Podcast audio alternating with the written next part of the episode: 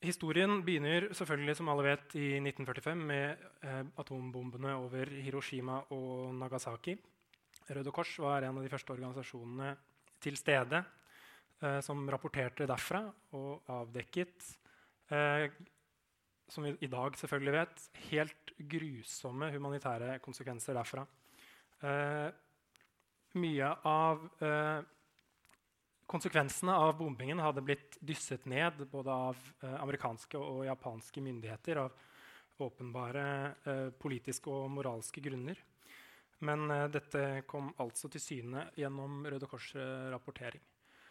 Så helt fra 40- og 50-tallet har det vært eh, sterk og økende motstand mot atomvåpen i sivilsamfunnsorganisasjoner rundt omkring i verden.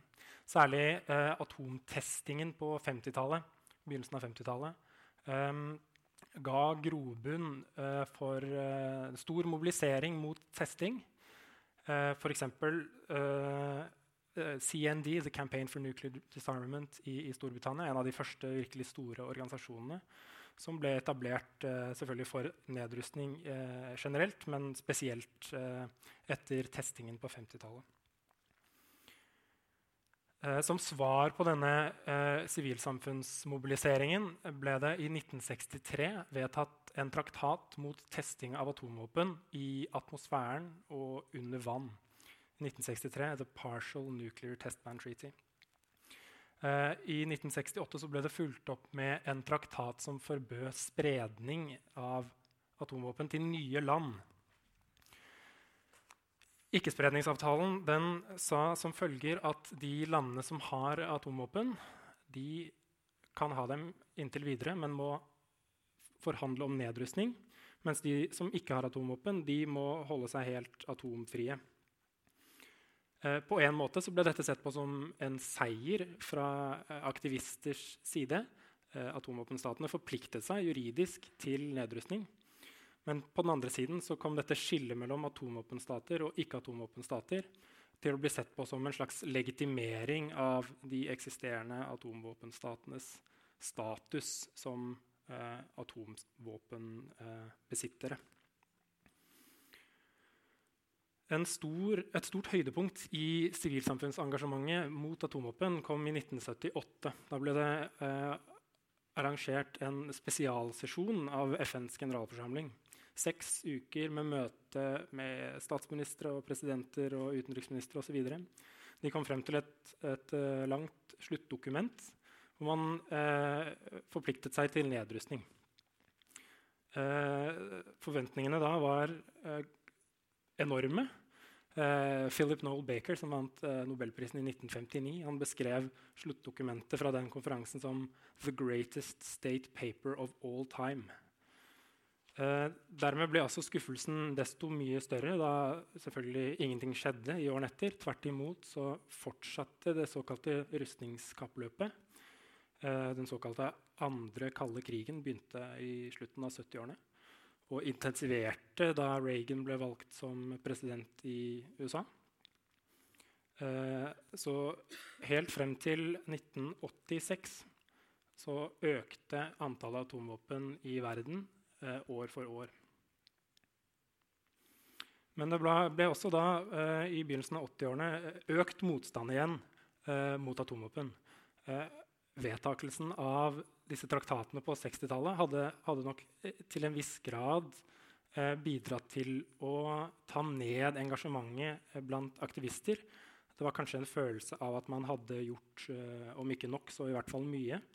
Og fokuset hadde flyttet seg til Vietnam og sult i Afrika og andre gode saker. Men på i begynnelsen av 80-årene kom sivilsamfunnet virkelig tilbake på banen med den såkalte frysbevegelsen, som noen her eh, sikkert husker. Og, og, mobilisering mot utplassering av mellomdistanseraketter i Europa. Enorme demonstrasjoner rundt omkring i verden. I 1982, eh, ved den andre spesialsesjonen for nedrustning i FN, eh, var det en million mennesker eh, og demonstrerte i Central Park i USA. Den største demonstrasjonen i verdenshistorien.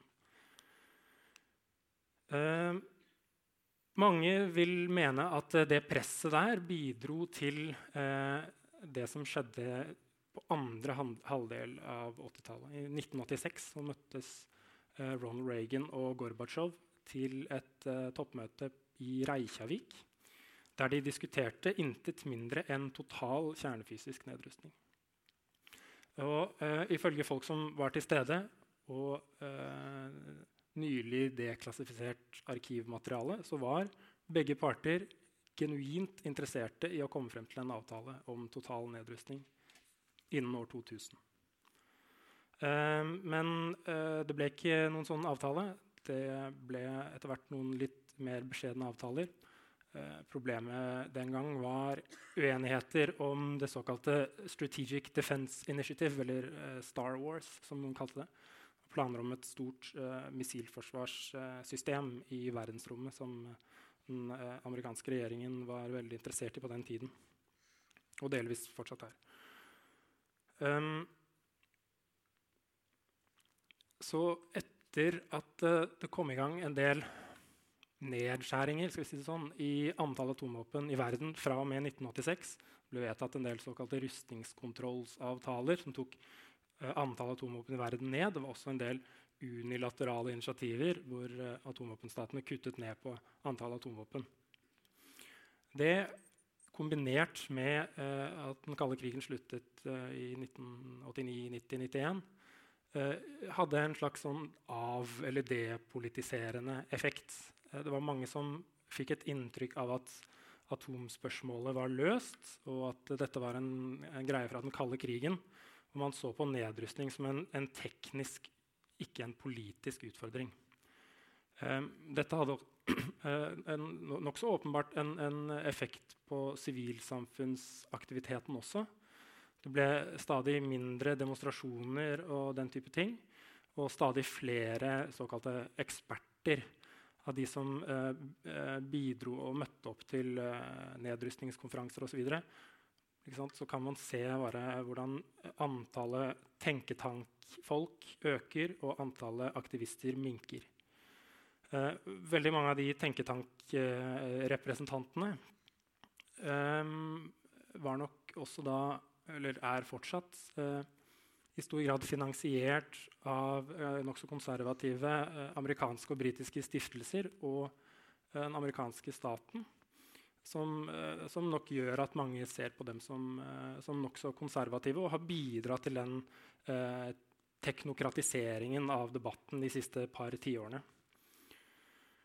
Eh, men det multilaterale diplomatiet det rullet videre. I år 2000 ble det vedtatt 13 eh, steg for nedrustning.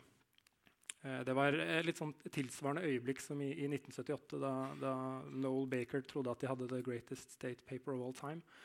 De hadde et dokument som forpliktet atomvåpenstatene til total nedrustning og en rekke helt konkrete, spesifikke steg. men de ble heller ikke implementert. Det gjorde at uh, stadig flere uh, tenkte at dette her er jo ikke et teknisk spørsmål. Vi kommer fram til kompromisser og hestehandler, men de overholdes ikke. Det er ikke nok politisk vilje, rett og slett. I 2007 så etablerte den australske grenen av internasjonale leger mot atomvåpen, ICAN, den internasjonale kampanjen for å avskaffe atomvåpen. Eh, det, det, reflekterte fra deres side en, en, slags perspektivendring. Man hadde lenge tenkt at eh, måten å få til nedrustning på var å komme med gode forslag til hvordan uh, man kunne få til nedrustning uh, gjennom forskjellige sånn, tekniske løsninger. Og at målet var å overtale atomvåpenstatene på en måte fra innsiden. Leger mot atomvåpen, eh, som er en, en, fantastisk organisasjon som fikk eh, Nobelprisen i 1985, de hadde nok eh, i mange år eller De hadde en erklært policy om at eh, tanken var å bruke sin autoritet som eh, helsepersonell eh, til å, få kontakt med ledere i atomvåpenstatene. Men etter hvert på 2000-tallet som jeg var inne på, så var det mange som mente at denne strategien ikke hadde virket. De tenkte seg at målet nå måtte være å skape mer politisk press utenfra Så denne internasjonale kampanjen ble da etablert i 2007. Eh, et, en, en norsk filial, det var vel en av de første filialene etter den australske, av denne kampanjen, ICAN, ble etablert i 2010. Og en annen eh, ekstremt viktig eh, ting i denne prosessen som skjedde i 2010, eh, det var en ICAN-konferanse, et lite møte kanskje å overdrive å kalle det en konferanse, et lite møte i Basel i, i 2010, der en del diplomater fra vennlig, eller presumptivt vennlig innstilte land var invitert, bl.a. Norge. Um, de norske diplomatene ble så imponert over uh, ICAN. Det var unge, driftige folk som hadde radikale ideer. Mye mer uh, punch i dem enn i de sivilsamfunnsaktørene som hadde vært uh, til stede på møter i årene før, mente disse norske diplomatene. Uh, så de uh, ordna det sånn at ICAN fikk en svær bag med penger, holdt jeg på å si. og um, ble, fikk hjelp til å etablere et internasjonalt kontor i Genéve. Det var et slags gjennombruddsøyeblikk for ICAN. Det ble en, stor, ble en, en ordentlig eh, global organisasjon. kan man si. Neste steg var da at uh, ICAN ble gjort til offisiell sivilsamfunnspartner på Oslo-konferansen i 2013 om de humanitære konsekvensene av atomvåpen. som uh, ble nevnt tidligere. Det gjorde også at ICAN fikk en, en sentral, virkelig nøkkelposisjon i sivilsamfunnet. Det er selvfølgelig et stort sivilsamfunn av hundrevis av organisasjoner som arbeider for nedrustning. Og det er jo alltid en slags eh, maktkamp dem imellom også om agendasetting. Hvem skal definere hvilke mål bevegelsen, bevegelsen skal ha, osv. Så, eh, så ICAN kom eh, i, en, i, en, nøkkelposisjon fra 2013. 2013 var også eh, året da ICAN for alvor begynte å snakke om en forbudsavtale, et forbud mot atomvåpen. Det man så for seg da, var at eh, man skulle prøve å knesette en norm, en helt universell norm mot atomvåpen for alle. Eh, som jeg var inne på tidligere, så sier Ikkespredningsavtalen fra 1968 at noen land kan definitivt ikke ha atomvåpen, mens andre land kan ha sånn tja, kanskje litt en stund i hvert fall. Uh, mange tenkte at det, dette er litt, eh, litt, for ullent, så vi trenger en helt uh, klokkeklar for, forbud mot atomvåpen. Og da tenkte man at om atomvåpenstatene er med på det eller ikke, det er egentlig ikke poenget. Fordi hvis de ikke vil være med og lage en sånn forbudsavtale, så understreker jo det nettopp bare behovet for nettopp en sånn traktat som kan være med å styrke en norm mot atomvåpen.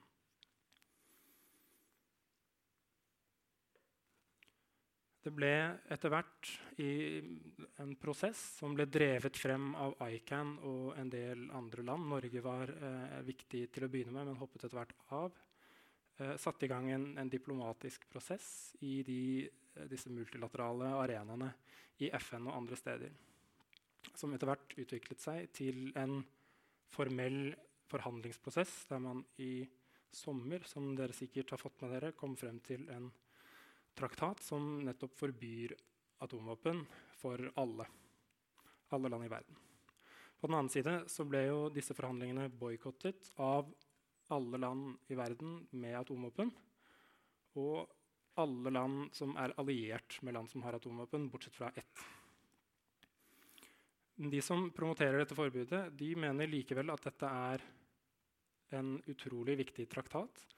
Nettopp fordi den sender et sterkt signal om at atomvåpen er uakseptable. Et forsøk på å skape et større stigma rundt atomvåpen og gjøre det mer ubehagelig for atomvåpenstatene å begrunne at de fortsetter å ha tusenvis av atomvåpen. Så det er nettopp et forsøk på å politisere hele debatten igjen etter mange år hvor dette var sett på som et, et teknokratisk problem. Og så, som vi jo uh, også vet, fikk uh, ICAN nobelprisen i år. I, I, 2017. Det er sikkert noen som skal si mer om det etter hvert. Men uh, det er, var en, en, veldig viktig pris, tror jeg, på den måten at mye av utfordringen for ICAN og for denne forbudstraktaten er jo nettopp å få oppmerksomhet. Hvis ingen vet at denne traktaten eksisterer, vil den heller ikke ha noen normdannende eller stigmatiserende effekt. Så bare det å slippe til i media og skape oppmerksomhet er jo utrolig viktig for ICAN og for at denne traktaten skal uh, kunne være vellykket, og at man skal kunne overbevise land som Norge og land med atomvåpen til å slutte seg til traktaten i fremtiden. Sånn. Så kan vi ta spørsmål og sånn etterpå. Takk skal du ha. Uh, du kan ta plass ved et av, um, et av bordene der. Uh, og så skal vi også be Henriette Westrin og Anne Marte Skaland om å komme opp på scenen. Uh, Henriette Westrin er jo generalsekretær i Norsk Folkehjelp. Norsk Folkehjelp har jo vært en sentral aktør i arbeidet mot, for humanitær nedrustning på flere områder. Mineforbudet, arbeid med kjemiske våpen. Og de har også vært en sentral aktør i arbeidet mot atomvåpen. Og Anne Marte var, som jeg sa etter det jeg vet, den sist, den sist ansatte lederen i ICAN Norge. Uh, og uh, kjenner jo selvfølgelig arbeidet til ICAN veldig, veldig godt. Uh, vi skal ha en liten samtale her før vi åpner opp for, for innspill fra, fra, salen. Og et spørsmål som jeg egentlig har lyst til å stille dere alle, men kanskje begynne med deg, Kjøl. Du var litt innom det på slutten. Men fredsprisen har blitt delt ut til mange aktører som har jobba mot atomvåpen opp gjennom eh, historien. Eh, og nedrustningen har ikke nødvendigvis satt fart av den grunn. Eh, hvis du ser det med din, dine historiske kunnskaper er det noe annerledes ved årets si, atomfredspris sammenlignet med tidligere nobelfredspriser som har gått til aktører som kjemper mot atomvåpen? Er, det, er, det, er, du mer optimistisk på at denne gangen her vil man virkelig se resultat? Mm. Eh, jeg tror nok ikke jeg kan eh, garantere noen resultater. Uh, og jeg tror det er mange likheter mellom ICAN og andre organisasjoner som har fått uh, Nobelprisen for uh, atomnedrustning. men det er, tror jeg, en viktig forskjell, og det er at det, så godt som alle de andre har fått skryt og blitt sett på som nyttige og flinke av atomvåpenstatene og de andre mektige landene. ICAN er og har vært mye mer utfordrende for atomvåpenstatene. Og dette forbudet også er jo eh, veldig ubehagelig for atomvåpenstatene å, å, leve med. Så jeg, jeg, tror at eh, den reaksjonen man kan se blant disse mektige statene, er en uh, indikasjon på uh, kraften i disse bevegelsene. At uh, andre tidligere som har fått den, har blitt sett på som uh, mindre truende, hvis det går an å bruke det ordet, enn uh, ICAN. Da. At ICAN er en, en, mer radikal kraft som kan kanskje uh, skape en slags bevegelse. Mm. Og da skal vi gå til ICAN. Hva betyr prisen for dere og deres arbeid? Ja, veldig mye. Eh, dere hører meg nå? Eh, ja eh, helt enormt mye. Sånn som Kjell Kjell var inne på, så er det Vi har mangla oppmerksomhet, da. Eh, vi har hatt veldig mye annet. Vi har hatt eh, eksperter og grasrotaktivister og et eh, nettverk og, i veldig mange land. Og en god strategi. Eh, men det har vært vanskelig å, å få mye oppmerksomhet. Og det, det får vi nå. For, mm. forandrer det noe i måten dere kommer til å jobbe på? Eh, ja, det var et uh, stort spørsmål. Eh, det er jo eh, eh Nobelprisen Det påvirker jo eh, alt, egentlig. det vil jo Det vil jo ja, forandre i forhold til hva slags muligheter vi, vi får, osv. Men Men eh, ICAN har jo en strategi som, som, ligger fast, og justeres selvfølgelig etter hvert som tida går. Men den strategien har jo vært å få stater uten atomvåpen til å ta initiativ til et forbud. Og nå har vi et forbud, og nå er strategien å få statene til å signere og ratifisere det forbudet og bygge en sterk norm. Så det, det står jo. Mm. Eh, ja. og, og, at det skal føre til eh, nedrustning, er jo det vi jobber for. Mm. Uh, Henriette, um, ICAN er jo ikke én organisasjon, det er et mylder av ulike organisasjoner enkeltpersoner. Det er jo virkelig en kampanje med, med mange forskjellige deler. Og, og um, som jeg sa innledningsvis, Norsk Folkehjelp har jo spilt en viktig, viktig, rolle. Kan ikke du gi en liten oppsummering av hvor er vi nå hen når det gjelder uh, kampanjen for forbud mot atomvåpen, og hvor er de neste skrittene, sånn som du ser det? Jeg har lyst til å si at uh, For Norsk Folkehjelp så var liksom det var jo ikke egentlig en sånn helt automatikk i at atomvåpen skulle være et felt som vi eh, gikk tungt inn i. Eh, men vi hadde gjennom vårt arbeid med eh, det å få til et forbud mot, først mot miner og så mot klasevåpen, så hadde vi bygd oss opp en eh, tung kompetanse på det å liksom være sivilsamfunnsaktør innenfor nedrustningsarbeid. Og jeg klarte ikke å dy meg fra å ta med altså denne boka som er skrevet om forbudet mot klasevåpen. For der skriver Tormod Strand helt innledningsvis noen ganger blir de villeste drømmer virkelighet. Det du trodde var virkelighetsfjerne utopier, forankret på denne jord med barduner satt ned i sand, kan plutselig bli konkrete realiteter. Uh, denne boken handler om hvordan det er mulig å gjøre drømmer til virkelighet. Det er en bok om hvordan det er mulig å få gjennomslag i internasjonal politikk til tross for massiv motstand fra verdens mektigste land. Dette kunne vært boka om atomvåpenforhandlingene, men det er altså boka om det å få til et forbud mot klasevåpen. Uh, så jeg eh, mener at uh, det at det forbudet nå er kommet på plass, det viser jo at strategien til ICAN har lyktes. Eh, jeg synes det var veldig interessant. Eh, min bakgrunn er ikke primært fra dette feltet. Jeg har jobba mye på internasjonale forhandlinger innenfor miljøområdet tidligere.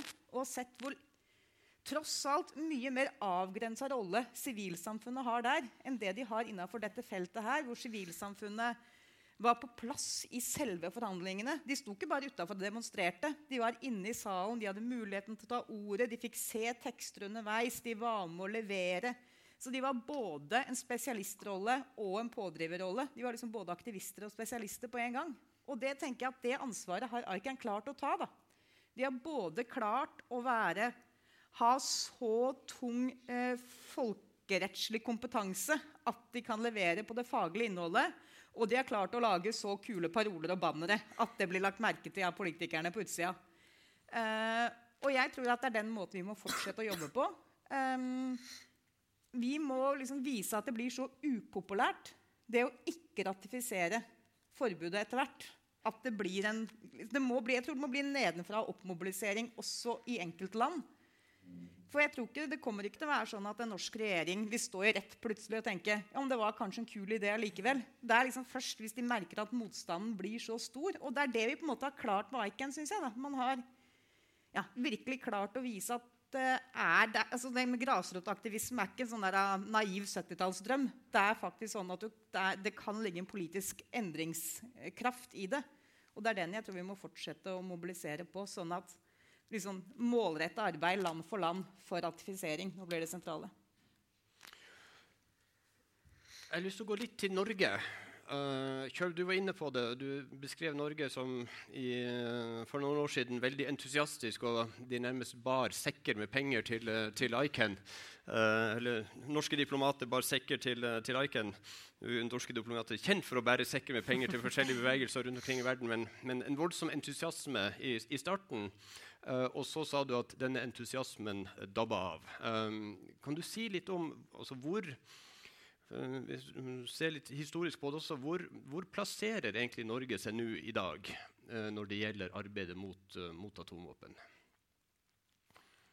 Um, Norge har e egentlig alltid uh, gitt seg ut for å være en nedrustningsaktør og spille en positiv rolle i nedrustningsforhandlingene. Uh, når det kommer til stykket sånn historisk, så har Norge eh, vanligvis stemt sammen eh, Når man har stemt på resolusjoner i FN, f.eks., så har Norge som oftest stemt det USA har stemt, for å si det på den måten.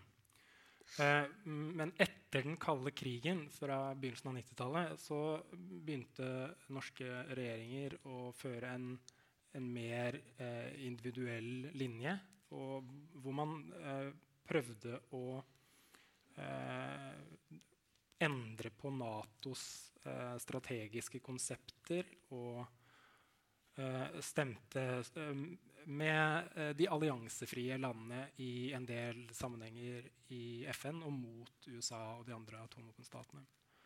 Eh, det er nok en tendens der som er apolitisk. At kanskje man så for seg at slutten på den kalde krigen eh, ga et økt mulighetsrom for Norge å føre en selvstendig politikk.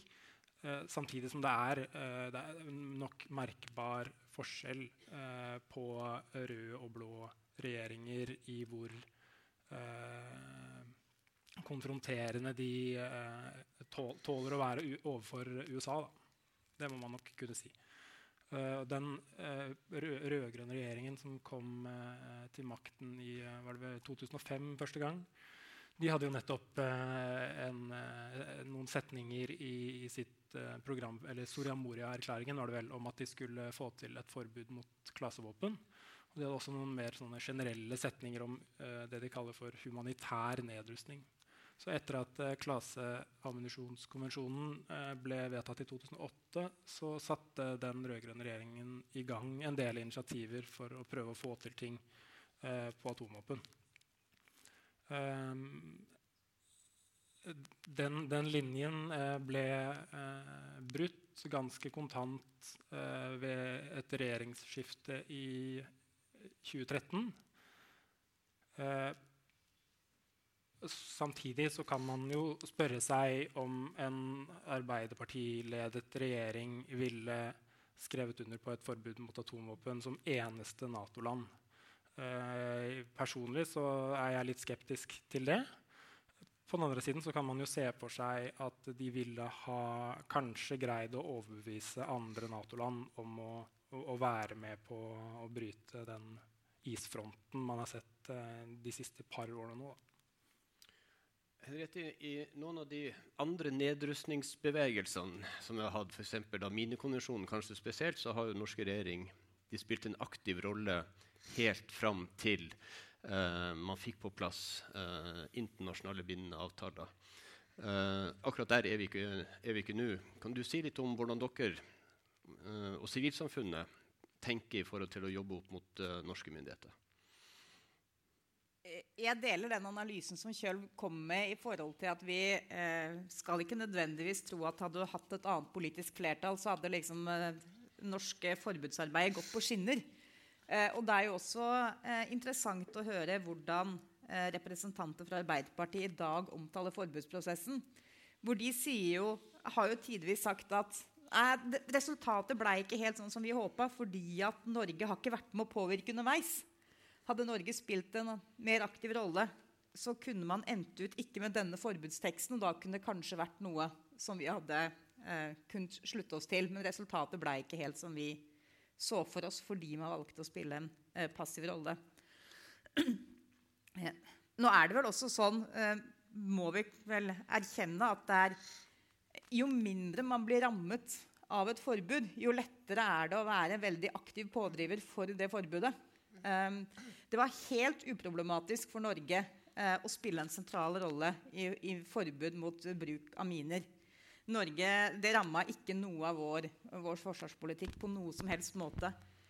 Når vi kom til klasearbeidet, så så vi jo at eh, Norge forsøkte jo lenge eh, å definere klasevåpen så snevert at de våpnene som Norge hadde, ikke skulle komme innafor definisjonen. Og dermed kunne man ha en veldig aktiv rolle. for det at da da ville det uansett ikke få noen konsekvenser for norske myndigheter.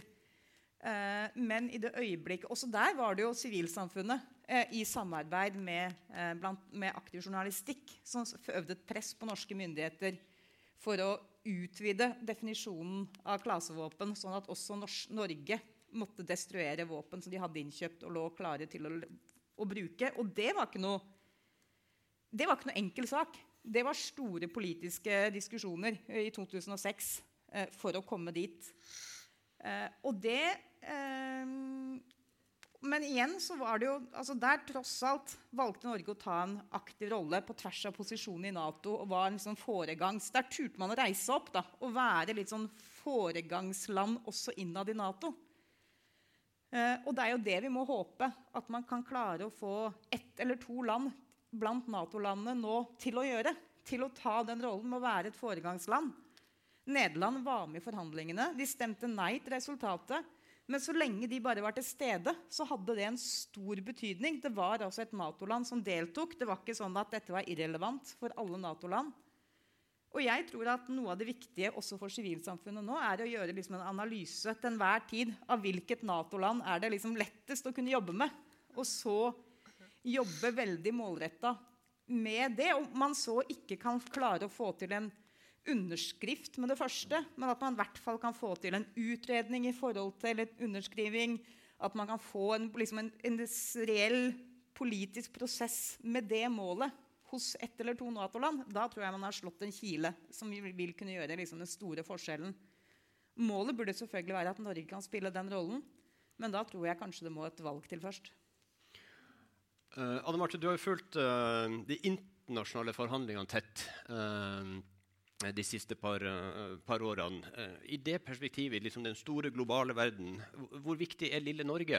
hva slags forskjell gjør det om Norge skulle ha sagt ja? Og det er stor forskjell. Mm. Altså, nå Vi har jo hatt en situasjon der noen stater som ikke er i en allianse med, med atomvåpenstater, og som ikke har atomvåpenstater selv. Østerrike, Brasil, eh, eh Mexico og, og, andre som har tatt på seg ledertrøya da, og forhandla fram et forbud mot atomvåpen og fått mange med seg etter hvert. Nå trenger vi at noen tar på seg ledertrøya i, i Nato. Og Norge kan være, være det landet eh, alene eller sammen med andre, andre Nato-stater. Det hadde hatt eh, veldig, veldig stor betydning, fordi eh, ofte så er det man trenger, er at noen tar altså For å få til endring så trenger man at noen tar ledelsen eh, og bryter noen barrierer. Men nå har vi en situasjon hvor eh, hvor alle Nato-landene sier at nei, fordi at i det strategiske konseptet så står det at så lenge det finnes atomvåpen, så skal Nato ha det. Og da er vi bundet på hender og føtter og ser lite mulighetsrom. Da.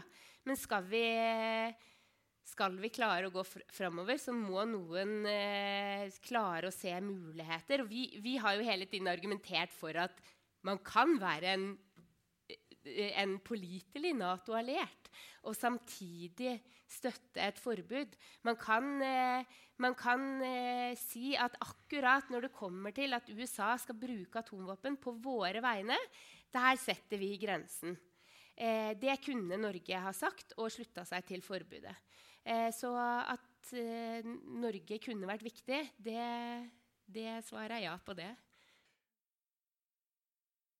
Takk skal du ha. De politiske ungdomsorganisasjonene er ekstremt viktige. Og med den parlamentariske situasjonen vi har i Norge nå, så er KrFU spesielt viktig. Uh, og Derfor er vi veldig glad for at også KrFU er her i dag. Vær så god. Takk for det. Navnet mitt er Kristoffer Stavseng. Jeg er en av to direktevalgte landsstyremedlemmer i KrFU. Og jeg må jo si Det er helt strålende å tenke på at jeg i kraft av å være del av en partnerorganisasjon til ICAN, er fredsprisvinner. Men så er det jo så mange sivilsamfunnsaktører som er fredsprisvinnere. Selv om Norge som nasjon ikke tør å gjøre det rette, er dette en seier for sivilsamfunnet. Så derfor sier jeg gratulerer så mye. Dette er en pris som viser viktigheten av internasjonal rett. Vi har et forbud mot kjemisk krigføring. Vi har et forbud mot klasebomber. Og det er absolutt på tide at vi får et forbud mot det aller beste våpenet. Samtidig skal jeg være ærlig på at oss i KrFU ikke har klart å presse KrF tilstrekkelig i denne saka. I alle fall før denne fredsprisen var tildelt, var det krefter som mente at så lenge det finnes atomvåpen, ja, så må Nato ha det. Eh, det er vårt håp, og oss kommer til å arbeide for at KrF vedtek, eller går for det riktige eh, i denne saka, og er tydelig på det. Pressemeldinga som ble sendt fra KrF i høve prisutdelinga, var vi iallfall ikke fornøyd med. Knut Arild sa f.eks.: Gjennom vår tilslutning til ikkespredningsavtalen har vi for lengst stadfesta at Norge ikke vil anskaffe atomvåpen. Utfordringa er å få atommaktene til å gjennomføre målet om atomnedrustning og hindre at nye land anskaffer slike våpen. Så der er altså situasjonen i mitt moderparti å stadfeste at Norge ikke skal skaffe atomvåpen. Og det syns jeg er litt flaut. Eh, og ikke minst er det litt flaut med tanke på hvor tydelig f.eks. Vatikanet er. Vatikanet kan være så tydelig på nei til atomvåpen, men KrF klarer ikke det. Det syns jeg er ille. Når pave Frans kan si nei til atomvåpen, ja, så kan Knut Arild det også. Så det vil jeg si, dette er ikke godt nok for oss. KrFU sier ganske enkelt at dette dreier seg om hva side av historien oss vil stå på, og hva er det oss faktisk ønsker. KrFU mener at vi ikke kan vente med et atomvåpenforbud til verden er fri for atomvåpen. For det er jo det naive å tro det. Norge har tidligere turt å handle imot Nato-flertallet i forbud om klasebomber og landminer. Og oss burde gjøre det denne gangen også. Så Eiken, denne fredsprisen det er en stor anerkjenning av det viktige arbeidet dere gjør, og det er en stor inspirasjon for oss som støtter dere. Så tusen takk, og igjen gratulerer så mye.